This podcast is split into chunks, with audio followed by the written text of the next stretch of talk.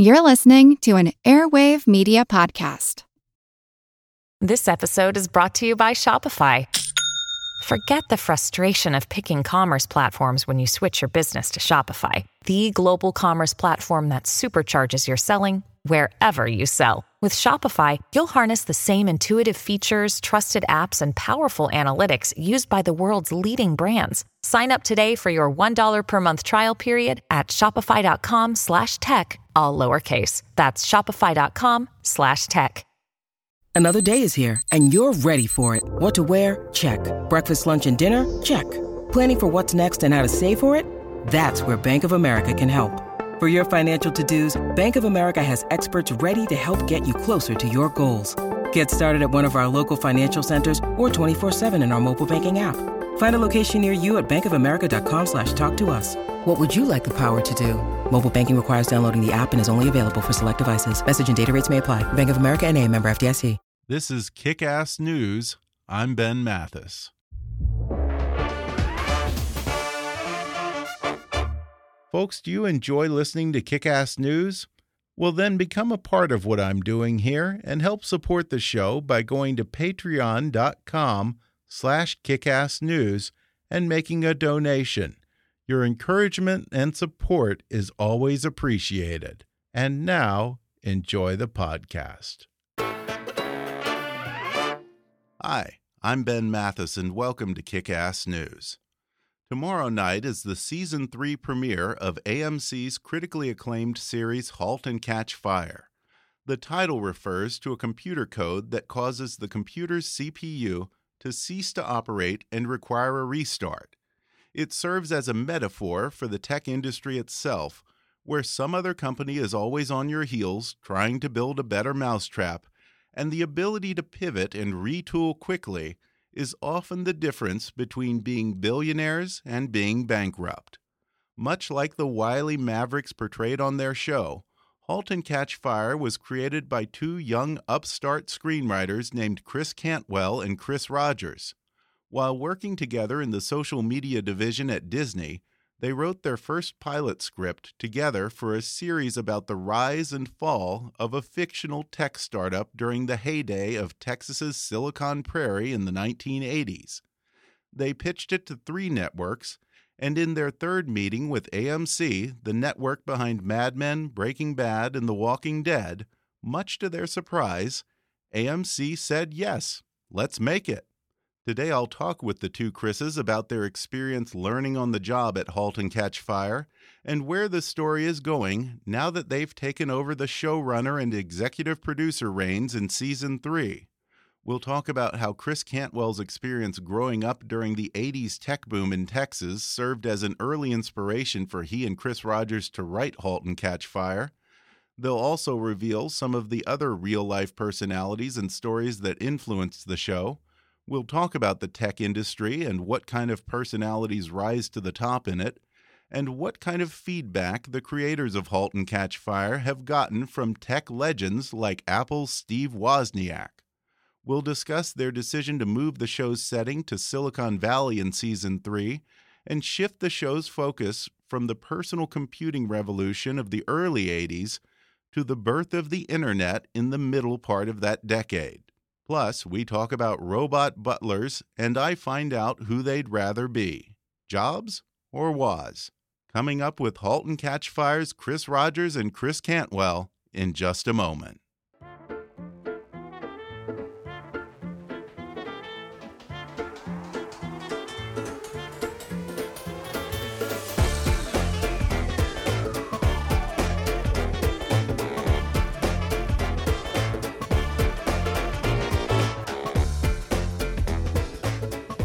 Today I'm joined by Chris Cantwell and Chris Rogers. They are the co creators, the showrunners, and executive producers of AMC's Halt and Catch Fire, which is now about to start its third season on Tuesday, August 23rd. Guys, thanks for coming in. Thank you for having us. for having us. Well, you guys created this series. It was really your first script, I think, and then not a common story that you hear. You guys got picked up by AMC. I think it was your third pitch. Yeah, it was uh, it was quite astounding for us. I think when Chris and I started writing together in uh, oh August 2010. We sat down at uh, Coles in downtown LA, and we kind of just said, "What do we want to? What's the goal here? What's the end game?" And we said, "Well, let's just work our way up. Maybe in five to ten years, we'll have our own series on cable television." Um, tremendous good fortune allowed that to be the first thing that happened, which was crazy. We wrote one pilot together that got us representation, and they said write something else so we can try to staff you. You know, we'll go up Yeah. for staffing season, and uh, we wrote Halt, uh, and they said, well, let us send this to a couple places just to see what the interest is because we really like it. They sent it to HBO, Showtime, and AMC. And AMC was the last meeting we took where uh, we just thought we're going in there, getting a bottle of water, hanging out for a little bit, and then taking off. And uh, there was three executives came in, and they all had copies of the script, and we ended up talking to them for a few hours, and uh, it kind of just developed from there. Your writer friends must hate you. Yeah, there are a lot of people that hate us. Yeah, they so. must hate. That. I hate That- us. This I, this like- never yeah. happens in Hollywood. Well, Like, you know, and, and I, first think, I off the think bat. because that's the case, I, I think the key all along has been to kind of admit what we don't know, and that, that's that, that's been such a, a big part of kind of Yeah. our mantra. Just be, just because otherwise, you know, uh, I, I think there were so many opportunities to get thrown off of this train, and the only reason we're still on it is because I think we were just earnest and passionate about that, you know, from day one. hmm Yeah, and this third season is a big deal for you guys because you are now officially the showrunners on the show that you created. Um, are you somewhat glad that you had those first two years to kind of learn the ins and outs of making a dramatic series before you took over the reins and got thrown in the deep end here? I I thank God we had a showrunner in the first two seasons because we, like Chris said, we had never. The first writers' room we walked into was our own, and uh, that was just surreal and, and crazy and, and anxiety inducing for us. I, we we were fortunate enough to work with uh, Jonathan Lisco. And uh, you know, at first we didn't know him from Adam, but we, we met with him, and, and he came out, out of uh, the John Wells School and, and was on Mhm. Southland before that, and Yeah, um, NYPD Blue, yep, is that right? his yeah. first his Got first his gig. start there. Yep. Yeah. And uh, he was such a veteran, but also such a great person on a human level. And and sometimes you hear stories of creators and showrunners not getting along well, and uh, uh, it couldn't be farther from the truth with Jonathan. I think he, from the get go, said, I- "I'm I'm interested in in shepherding your vision for the show," uh, and he meant it. Uh, he was very transparent with us, very open with us. Uh, he was an incredible mentor, a friend. We learned everything we, we do today on the show. We learned from him, and and uh, to use Chris's sports metaphor, we run a John Lisco offense our, on our show. well, I've watched the first few episodes of the third season. I think people have a lot to look forward to. Um, I love the show because of a it's great writing. It's an interesting window on a world that most people didn't know about, and for me, it's fun on a personal level because kind of like Chris Cantwell. I grew up in that world in Texas in the 80s. Oh, and really? my dad, you know, he was always keeping up with the tech boom and the companies that were coming up as an investor. And he loves to brag that he bought Compaq stock back when he still had to spell it for his own broker. Oh, So- nice. Yeah. And was your dad, am I right, that he was a salesman in the computer industry He in took a 80s sales job. Texas? He took a sales job at a company called UCCEL in Dallas. You should ask your dad if he I will. remembers UCCEL. it was around for a while. It was a big competitor of uh, Computer Associates, uh, and uh, it was a system software company, very much like Cardiff Electric. Oh. Uh, no one came in and forced them to go into the PC market, uh, but that experience and that that kind of transplant culture that was existing in, in Texas at the time, I think was something that we had never seen portrayed before, and I thought was an Yeah. interesting thing to tap into for Texas. Yeah, and I've always wondered what was it about Texas that drew the tech industry to it in the 80s as opposed to Silicon Valley or Boston or New York. I mean, uh, you Have know, you figured that out in your research? Well, and it, you know, and it totally existed in those other places you mentioned too. I mean, uh, Boston actually was a big, big tech center Right, too. But, right, but I think in, in Dallas, at least the the version of it we embrace is that I, I think Dallas was a lot of people who were kind of capitalists and pragmatists and people that were kind of looking to bring kind of that. Uh, I hate to say frontier spirit, but Yeah. but the willingness to reverse engineer and to kind of be um, businessmen about it uh, to an industry that that in other places kind of was being handled less efficiently, and and so we kind of felt like people like Texas Instrument or or Compaq that you know that had kind of transferred out of other businesses like was it Tandy that used to be like a leather Charles Tandy Yeah, was yeah, a yeah. leather maker. you Yeah. know like uh, Yeah. there was an opportunism in like that i think that was at least the initial impetus for why to set it in texas just because it felt like the story people didn't know about kind of uh, the other people who really contributed to the tech story that I, I- think we all on some level think we understand Yeah, because that people forget there was Compaq, Dell, Tandy, TI. And, you know, people think Texas in the 80s, they think oil and Mhm. J.R. Ewing. Mhm. They Mhm. don't think computers. Well, Chris, I'm curious, is the character of Bosworth a little bit based on your dad? no, No, my dad. I mean, aside from he didn't go to prison, I assume. no, not yet. Hmm. I wouldn't be surprised if he did. Uh, I think that uh, my dad likes to think that he's Joe. I think Ah. there's there, now. I will. I will. I won't sell my dad up the river entirely. There's one scene in the show that is verbatim from my dad's experience, and that's in the pilot when Joe goes out on the sales call with Gordon. It's the first time they actually really interact, and Gordon interrupts Joe when he's trying to close the deal. And then later in the parking lot, Joe says, Hey, the next time I move to close, this is what you do. And he yells at him to shut up. My dad did that to his sales engineer. That's a legit thing my dad did to somebody. Uh, I imagine that guy seeing the show and, and just like sitting up in his chair and being like, What? I thought no one knew about this. Uh, but that's it. I mean, I think my dad would probably have been a guy that he was very much a salesman that would have worked at a company like Cardiff Electric. He would have worked for guys like John Bosworth, and that very much influenced uh, that character, at least initially. There's always this tug of war between the tech geeks and the pitchman, the salesman, the visionary. Um, and you don't see that just with Joe and with Gordon, but you see that also with the women in the show. And have you come to any conclusion over what is the more valuable side of that equation Oh, when you're man. talking in the tech industry? I mean, I, you know, it's interesting. the The show has a lot of parallels, in our opinion, to the entertainment industry. In that, um, you know, you have to be able to sell it. You have to be able to make people see it before they're willing to invest in it. But then you have to have the goods. So, so no one character on *Halt and Catch Fire* has all of the tools. You know, nobody can Yeah. can do it themselves and pitch it effectively, and you know, uh, kind of oversee the process of, of bringing people together to make something great. Um, and so they kind of need each other. At least that was the way we kind of constructed it. Um, you know, at the end of the day, I think you got to know the zeros and ones, but but at the same time, you know, we have a new character in our third season, Ryan Ray, who couldn't be better at that and couldn't be worse at the other thing, and and that's you know why he's drawn to Joe McMillan. So so, Yeah. so we really we think there's a value on all those, and, and I think the greats that we remember um, tend to skew one way or the other. Well, now I'll ask both of you which would you rather be, Steve Jobs or Woz? Oh, I mean, aside from the fact that Steve Jobs dead. So Well, yeah. yeah. take that out of the equation. I don't know. I That's a hard one. You know, I mean, uh, Woz is probably a pretty happy guy. I mean, he rides around on his Segway. He seems That's what I happier. hear. has some planes. he does seem happy. Yeah. He's got a metal what I hear. business card. I mean, He does have a metal business card. That's super Seems like a sweet guy. Now, Uh, have yeah. you guys ever met Woz? We Yes. did. We met him Really? uh, at South by Southwest when we Oh, premiered wow. the pilot episode. He, he actually Wow. introduced it, and then he did our he did our uh, panel of questions with you, Mhm. me, and Jonathan, and the actors, and uh, Carl Ledbetter, our tech consultant. It was Oh, that's incredible. it was great. And he actually one of the funny things that happened was that he had all of his questions written on his iPhone, and he was working through his questions, and then he set his iPhone down on his knee and accidentally deleted the Yes.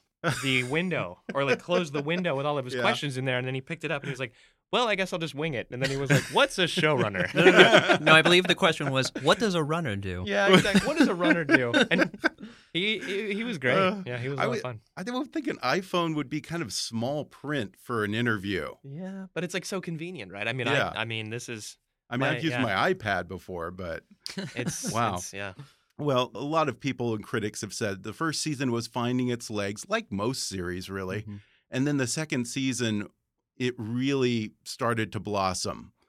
What was the turning point, or what do you feel worked better for you guys in the second season? I mean, uh, you know, I, I think there's that's been the narrative that the, the second season kind of found it, its Right. and, and for us that that maybe is is a little simplistic, just in that we kind of feel like it really kind of paralleled our understanding of what our show was, and I think that's something that you can kind of really see taking root halfway through the first season. You know, you know, as uh, around like episode five, six, I think the show really starts to find an energy and a tone and a fun uh, that carries over into the second Mhm. season. obviously we start to tell the story of mutiny, uh, which which really felt to Right. us like where the show wanted to go. You know, because Right. it was fun and i- and I, and I think it set it apart, and it was something we had that other shows didn't. And and you can kind of just tell from the electricity in the room that people like that. Like it's neon, it's fun. We're making jokes. You know, like like it's art. It's got this arcade freneticism to it. Um, you know, so so that guided us a lot, and I, I think that was a lot of like the righteous wind at the back of the second season, obviously with with Cameron and Donna's kind of female partnership at the center of it. But uh, you know, for us, I I- I think it was the process of moving out of the shadow of the shows we admired and the shows that we kind of built the show uh, Mhm. emulating, and and kind of finding the show that was ours. I don't think the second season could exist without the first, and I think that is Mhm. in terms of the story and also in terms of the process. Like I, like Chris and I, uh, like Chris said, he, we were learning and learning what the show was, learning how to make a show. Mhm. Um, once we started to color outside the lines, I think that's when it it started to really turn into something else. And I, for me, it's a specific scene, and it's the end of episode five, and it's when Joe takes a sledgehammer to a car Yeah. and he he's doing it as part of a company event and he shares this insane electric look with Cameron and I think just from that moment on we were on a different we were on a different uh, track with the story that that we could set up these characters we could set up these archetypes of the bulletproof salesman the misunderstood genius the housewife the prodigy the hard ass boss and then we could just start to explode those I think that's something that we wanted to do from the get go, it just took us it just took us a minute to figure out how to do it. And I think that that once Yeah. we did, then then everything was on the table. Yeah, and in the second season, it really has become more about the women. Mhm. And was that always the intention, or No, I, or is that just kind of did the series kind of take you in that direction Yeah, as it, I- as I it mean, found itself? I think you really write to what's working, which is not to say to the detriment of, of the men, who I, I think continue to be a vital part of the show, an equal and vital part of the show. But right. uh, there was just something unplanned and wonderful that happened there. You know, I mean, you put the pieces on the board, and, and Donna is a is a housewife who wants to be more, but is also a talented engineer, and you know, Cameron is this kind of electric, unruly person that comes into Cardiff Electric and and, and you know exists between Gordon and Joe. But then those two suddenly had scenes together, and suddenly there was something there, and suddenly there was an idea and a chemistry, and um, you know, it just you really have to listen to what's working and, and, and that just felt great to us and, and then those two actresses obviously just kind of earned it and earned it and earned it um, eh, you know and so it felt great to kind of build around that and that, that also felt like a story that hadn't been told. I mean i think you can see you know the don draper and the ideas behind joe i mean i think you can see the walter white and the ideas behind gordon initially but but it really kind of felt like we were in new and exciting territory and we were kind of pushing the envelope and we had donna and cameron out at the head of this company and a you know, a time when women were historically a little more represented in the tech industry, and, and frankly, a time right before they ceased to be. Uh, so it also kind of just, you know, felt important and fun and resonant. Yeah, and you know, since you brought up Mad Men, are you kind of glad to be out of the shadow of Mad Men now? Because the first season, and I feel this was an unfair comparison. everyone was comparing the Yeah. character of Joe was like, just oh, because he's an that. alpha male. Yeah, I mean- everyone was making that comparison to Don Draper. We're still getting it. I mean, which is, I mean, to be honest, we're still getting like, if you if you don't know what it is, you know, and think Mad Men, but in the age of computers, I'm like, really, it looks nothing like Mad Men at any part at this point. I just feel like it's completely different. I understand how the relative human mind works and looks for associations. I think yes, you can definitely see the parallels like Chris is talking about in the first season. Um, I think, but what was fun about the first season is that, you know, Joe and Gordon were the upstarts and the roguish ones at the Mhm. very beginning who come into this staid company and kind of explode it from the inside. Mhm. The fun part of season one is that by the end, those guys are the old guard. They're the Yeah. ones being rebelled against by Donna mm-hmm. and Yeah, Cameron. which is how this industry works. Mm-hmm. Yes, absolutely. You know. Bill Gates was the upstart, and now he's the one that everyone wanted to take down. And now mm. Apple is the one that seems to be Right. the, it's becoming, you know, it's it seems to be taking the place of Microsoft and IBM before it. And, you know, we want to continue that story. I think that, you know, in season three, I think there's a lot of existential questioning that Cameron and Donna are going to have to do once they enter the big leagues and it becomes about making money and quote unquote succeeding. hmm It's no longer a fun house full of, full of kids, it's a place of business. We're going to take a quick break, and then I'll be back to talk more with the creators of AMC's Halt and Catch Fire, Chris Cantwell and Chris Rogers. We'll be back in just a moment.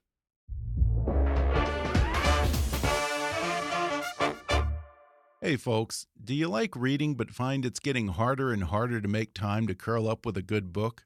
Well, there's a solution. Give audiobooks a try. They're perfect for your commute to work or working out at the gym, a relaxing bath, or any time, really.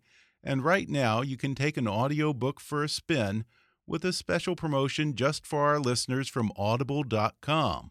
Just go to audibletrial.com slash kickassnews to get a free 30-day trial and download any of Audible's 180,000 titles entirely for free. That's audibletrial.com slash kickassnews or click on the sponsor link on our webpage to download the free audiobook of your choice. And now back to the show. The third season premieres on August 23rd. I watched the first few episodes. I think that fans are really going to love the third season. It's just building and building. And I think in the second season, you set up several payoffs that come to fruition in the third season. Um, in the second season, you had all of these characters kind of go off on their own path mm -hmm. in disparate directions, and then they all kind of come back together as everyone moves to Silicon Valley. And I feel that everyone watching this for the past two seasons has been watching and thinking, okay, when are they going to get to Silicon Valley? So I feel that that's a big payoff for the audience. But for you guys, I'm curious if, as the creators, it's somewhat bittersweet or something of a trade off. Finally, the characters selling out and going off to Silicon Valley and leaving Texas, leaving the Silicon Prairie. Um, you know, and I'll give Cantwell a shot at this one too because I'm not a native Texan. Um, but I, I will say what's what's great about a third season is is often in characters there's a little bit of like a dualism to their choices. You know, Joe's being good or he's being bad. The Clark mm-hmm. marriage is going well or it's going poorly.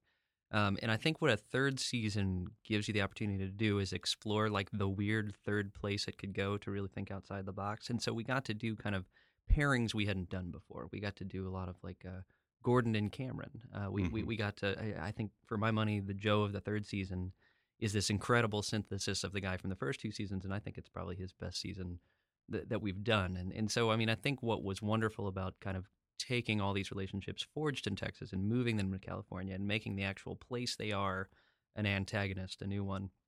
You know, putting them in the Shark Tank, putting them in the big leagues, kind of taking them out of the the comfort of their surroundings and, and kind of making everything new was that it was kind of a wonderful reset to to kind of look at these these interesting evolutions of the characters and ask ourselves how how far we've changed. So so you know, for me, I think it was was all payoff, and it, it felt kind of insincere in a way to keep them away from California any longer. I think it would have been artificial to to continue to say that you know that Texas was the epicenter of this once we get into '86 and kind of beyond uh, which is where the third season takes place. But uh, you know, at the same time, I, I, think it was it was sad to leave the land of barbecue, and uh, you know, it, it, certainly gave us our start. That was my. Th- I think yeah, that you yeah. know, yeah, I'm sad that I can't put like oblique references to my high school in there anymore, or like reference, you know, Inwood Road. But I, I think that yeah.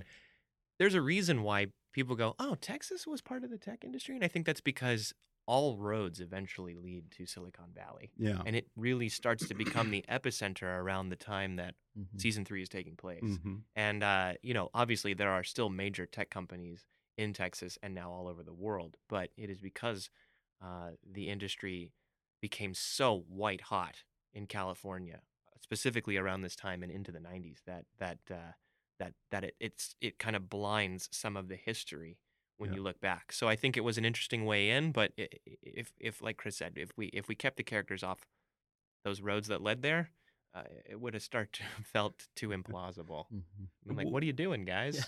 Yeah. okay, so it's still very much the early days of the internet. Yeah, I think the the the internet has yet to be launched uh, in the form of what is known now, now today as the internet backbone mm-hmm. or NSFNet but it is just about to be, and uh, you know, something that is definitely on the playing field for our actual story in the season. Yeah, and it's funny because I had Steve Case on uh, about a oh, month cool. ago, the That's founder awesome. of AOL. Yeah, yeah, so great. And I was listening to him tell all these stories from the early days of AOL, and I told him this. I said, "It sounds a lot like *Halt and Catch Fire.* Everything that you're telling me, you know, plans falling through and having to instantly figure out something else and pivot. Mm -hmm. um, so much of that. He, he was talking about how I think it was Prodigy or whatever the other one, the other competitor. CompuServe. CompuServe Mhm. had this thing where they were so eager to cash out that they were selling email ads. And AOL just started, got the idea, we're just going to start buying email ads, email Oh, uh, yeah. ad bursts that they that they were then Prodigy or whoever was sending out to their users Yeah, to lure them over to AOL. And it was a year Oh, was before they Prodigy. even That's realized that Oh that this was going on, that they, they made a mistake, that they had screwed up. Um, and yeah, he got millions and millions of subscribers Yes. off of their Steve advertising Case is one deal. of those guys where, um, you know, when we found out we were going to run the third season, we we decided to to rent a house in Joshua Tree for a weekend and go up there and just kind of like get on the same page and kind of brainstorm about what it could be. And, and we took just a ton of library books from the LA Central Library and, and, and you know, a lot of stuff that we thought kind of might be fertile ground for, for where we could go in a third season because you always kind of have some big ideas, but you know, you have to be ready to kind of throw them out and kind of see what excites you. Uh, and I have this very distinct memory of like sitting on some kind of weird boulder reading like a Steve Case biography in Joshua Oh, really? Because, Oh, I mean, he's, probably the same he's book. definitely a guy Yeah. we mine for for some of this stuff and, Yeah. and, and Von Meister and there's other interesting Mhm. guys kind of from his orbit and in the Viewtron days and Q-Link and um, you know so so I think we're always looking to kind of knit our story together with pieces of uh, of companies you end up knowing uh, telling never the story of one entity but uh, he's he's a fascinating guy and, and you know the story of like uh, him camping out in the Apple lobby until they decide to make Apple Link is Yeah. is an incredible one and you know uh, Yeah. very cool that you got to interview him. Yeah, and you it sounds like you guys are pretty research heavy. You do your homework. Uh, one of the things I like about it is that it is very much of the 80s. And you see, you know, there's the cocaine parties, and uh, there's a reference to AIDS in one of these uh, recent episodes that I was watching. And uh, one thing that I love is you have the robot butler. I can still remember as a kid the, when that Yeah. came out. Oh, the robot butler! I want a robot butler. They were selling them for God knows how much money. These stupid little butlers that really didn't do anything. And, and we thought that the age of robots was so close in the 80s. And that that we will give credit to the writer of that episode, uh, Michael Saltzman, who I think literally experienced receiving a robot butler from his dad and having that exact conversation that Boz and, and Gordon and Ryan do, which is if you have to make the drinks and put it in its hand and then walk on the other side of the room and have it walk over or drive over to you, why not just drink the drink? And uh, yeah. um, it made it into the show. It's one of my favorite Well, moments in the so, that. series. So we we tape these little uh, you know vignettes for like inside the episode. Oh, yeah. At the end of the season, and you know you sit there and it's a long day and you answer a lot of questions. And at the end of it, they're like, "What what was your favorite moment of the series?" And you could tell they just wanted something juicy that they could use in the videos. And I think we were both like, "Probably the robot butler." Yeah, probably the robot. and you could just kind of see them Yeah. being like, "We're not yeah, like You Yeah. know? Yeah, because I'm a little older than you two, Yeah. and I can remember as a kid wanting that for Christmas and thinking that would be so cool, and it really didn't do anything. It and would it's have funny been. now. Now we really are approaching the age of robots because now it's it's finally coming to fruition where people are they finally have the technology that robots really are becoming a thing.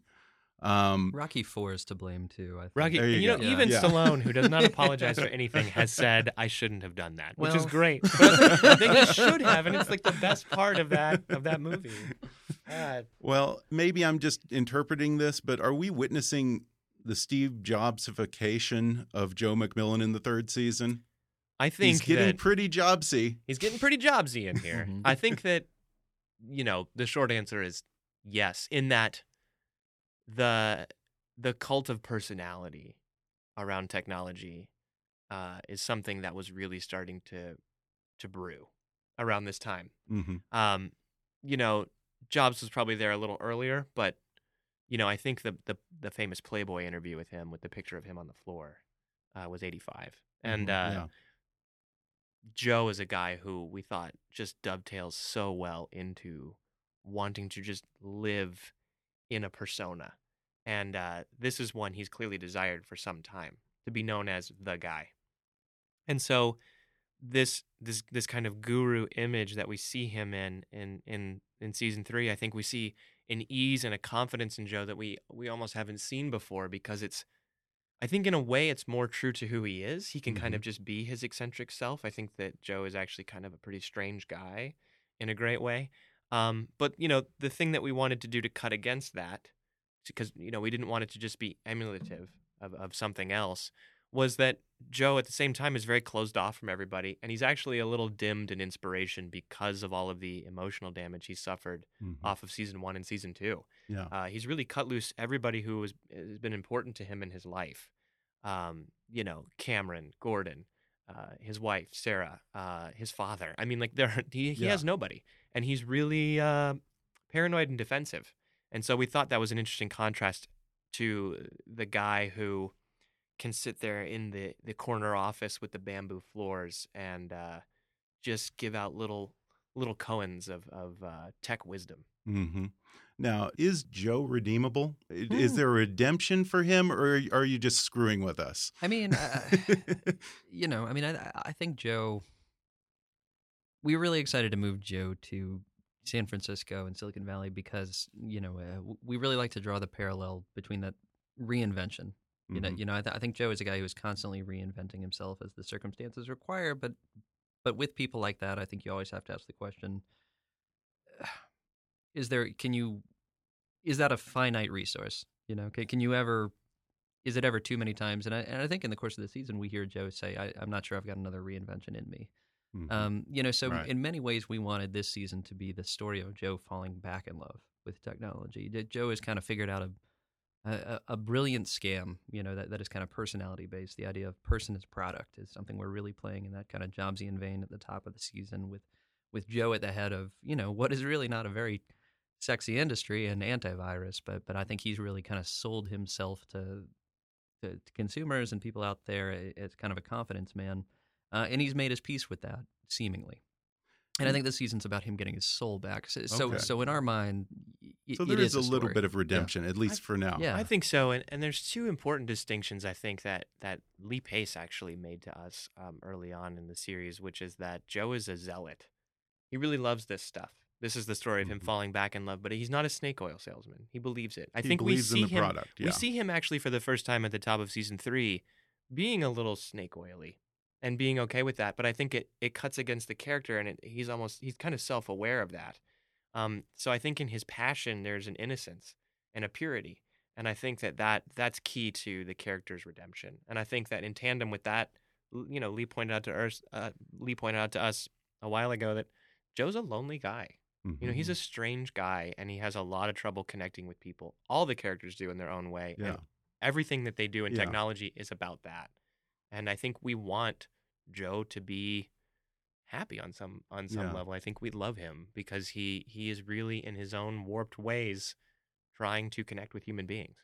Yeah, and I think the farther you get into the first season and the second season, and now you see the other characters. he's not the only insane, self-destructive person on the Mhm. show. It Yeah. kind of infuses the show, and with the other characters like Cameron and Gordon. Is there something in that industry that you have to be a little bit insane and even self-destructive to really get ahead in tech? Oh, interesting. I mean, I, you know, I think the characters we've always wanted to play fair with the fact that they live close to and in proximity to one another. You know, so they're Mhm. going to rub off on each other, and I think in Ah, some ways some of the characters aspire to be each other at least in, in in their better light. But I mean, the essential premise of the show has always been that people bake themselves into the things they create. You know, and, and so the Mhm. products aren't perfect because the people aren't perfect, and the process that created them are certainly Yeah. you know, is very fraught on our show. So, um, you know, do you have to?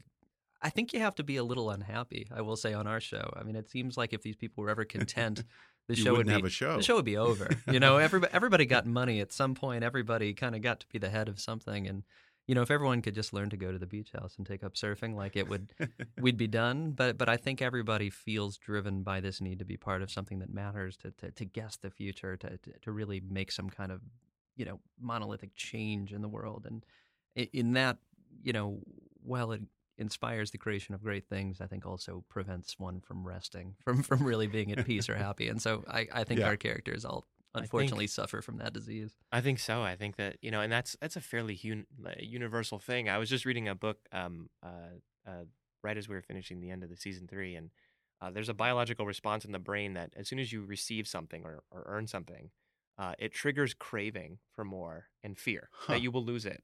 And the third thing that happens is contentment, but it's very difficult to get Mhm. past the first two, uh, and that is a, just an endless cycle that we all get stuck in, and I think it, it the tech the tech is really an allegory for that. It's really the characters' ambitions that are the most dangerous thing about them. You know, the other thing with this particular show that I think makes it really interesting for viewers and keeps it kinetic is that in the tech industry, you do have that thing where you have to constantly be nimble. Like I said with Steve Case, you have to constantly be adjusting into changing situations, pivoting. And throughout the show, you see that several times, sometimes even in a season.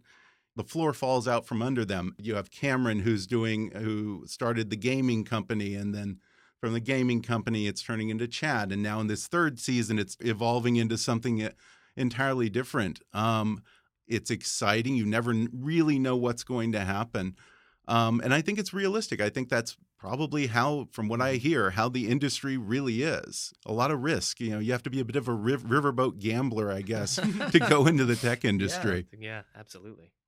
Now, are you guys tech geeks? I know that you guys kind of met working for in the social media wing over at Disney, huh? Yeah, we did. Yeah, uh, I mean, uh, probably no. not. Yeah, Yeah. I mean, I, I, I think is the answer. Um, I, I think. Well, I mean, we probably have both have to answer this separately, but you know, we, we, we definitely met kind of in the process of helping Disney kind of port its its big properties over to, to Facebook.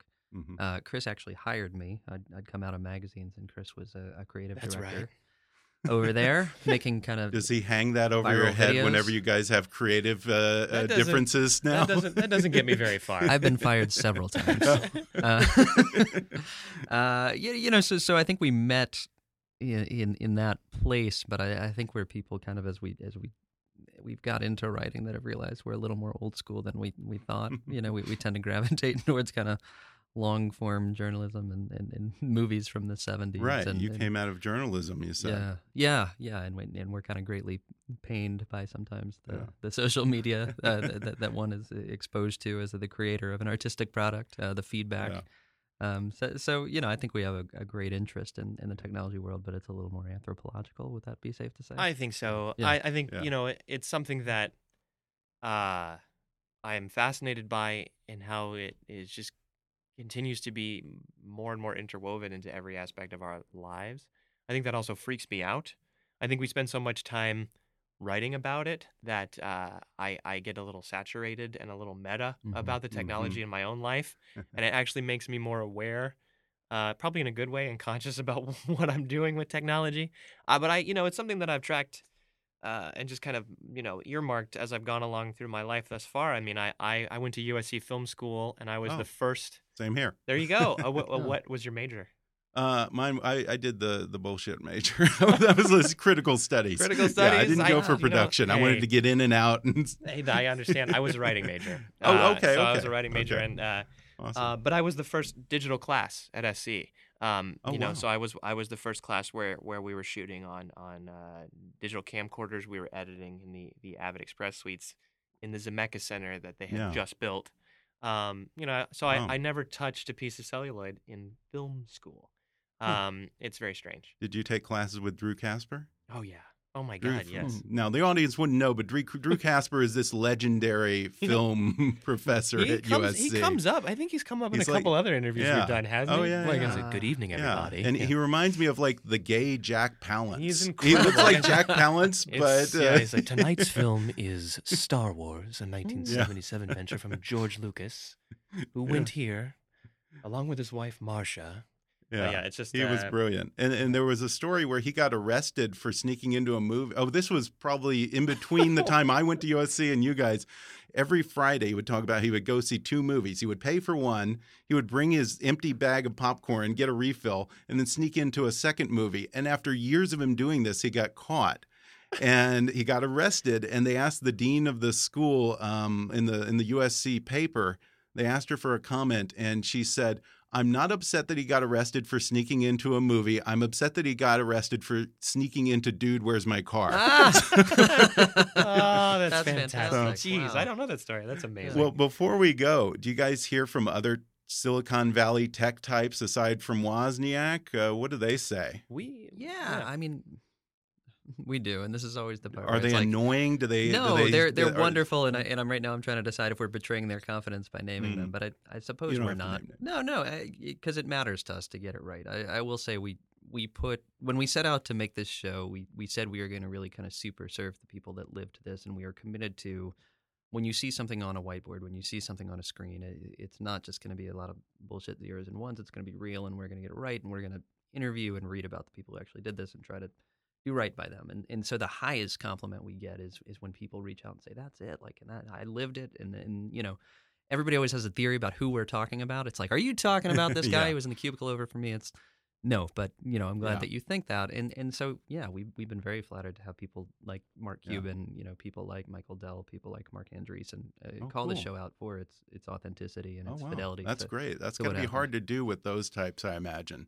It Yeah. it uh, Hard to they they have to be hard to please on the tech, I imagine. The I, tech I yeah, it's always a nice uh, it's always a nice uh, boost when when one of those when one of those people reaches out and says you, you got it right. And I, I think Mm-hmm. that uh, and along with that though is also when I still remember when we we, we got to screen the pilot for uh, Apple, and so Mhm. we went up and, and screened it for Apple, and and uh, you know even in season one, some of the things uh, we were being criticized for, um, you know, or people were a little uh, suspect of were were the fact that we had not one but two uh, female engineers in the show as main Mm. characters, especially at that time period. And um, you know, right after we screened the pilot, there was a a, a woman who came up to me, um, who had been at Apple since that year, um, and and the year that is portrayed in the show, and, and she said that I lived that, like that's that's I got into computers in the same way Cameron did.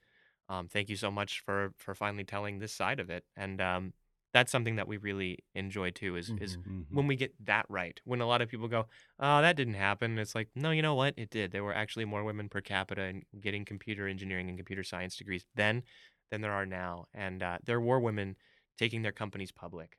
Uh, Mhm. There were uh, women building computers. There were women who were designing video games. Uh, they were there, uh, and uh, and and I'm glad that we can reflect some of that history. Yeah. Are are you ever tempted to have real life characters do an appearance on the show, or, or either as themselves or have, you know, oh, uh, who's this clown? Oh, his name's Paul Allen. we, I mean, he'll never get yeah, anywhere, you know. Or is there that danger that it just turns into Forrest Gump? I think I think increasingly we're we're interested in that. There there is a a cameo uh, this season. Uh, you know, if you look closely, uh, kind of towards the end, and, and and we always like to make little kind of in jokes about the technology and, and people that are going on. But you know, um, it, you know, it's it's tricky, right? You, like we didn't want to come out the gate with a lot of that, with a lot Yeah. of like, well, Steve Jobs, I saw him at the coffee. You know, I saw him pulling his car out of this garage. I guess he was making space for something. You don't want to like make the really on the nose reference, but I, I think as we go along, we we start to have a little more fun with with the cameos of the people who existed. Well, terrific. Like I said, any fans of the show, I think, are going to be really happy with the third season. It premieres on Tuesday, August 23rd. Chris Cantwell and Chris Rogers, thanks for joining me. Thank you Thanks so, so much much for for having having us, us. Love the show. Thanks again to Chris Cantwell and Chris Rogers for coming on the show. The season three premiere of *Halt and Catch Fire* airs tomorrow night, Tuesday, August 23rd at 9 p.m. Eastern on AMC. Visit amc.com for more information, including previews, behind the scenes extras, and cast and crew interviews. You can follow Chris Rogers on Twitter at, at CCR, and Chris Cantwell's Twitter handle, and this is kind of funny, is at if you can't well. That's at if you can't well. Good luck to the guys on season three, and I highly recommend you check it out. It's seriously one of the best things on TV. Be sure to subscribe to Kickass News on iTunes and leave us a review while you're there. You can visit Kickass News on Facebook or follow us on Twitter at, at KAPolitics. And please be sure to recommend Kickass News to your friends on your social media. And if you really want to help out, then donate to our GoFundMe campaign at gofundme.com slash kickassnews. Or make a recurring donation at patreon.com slash kickassnews. And as always, I welcome your comments, questions, and suggestions at comments at kickassnewspodcast.com. For now, though, I'm Ben Mathis, and thanks for listening to Kickass News.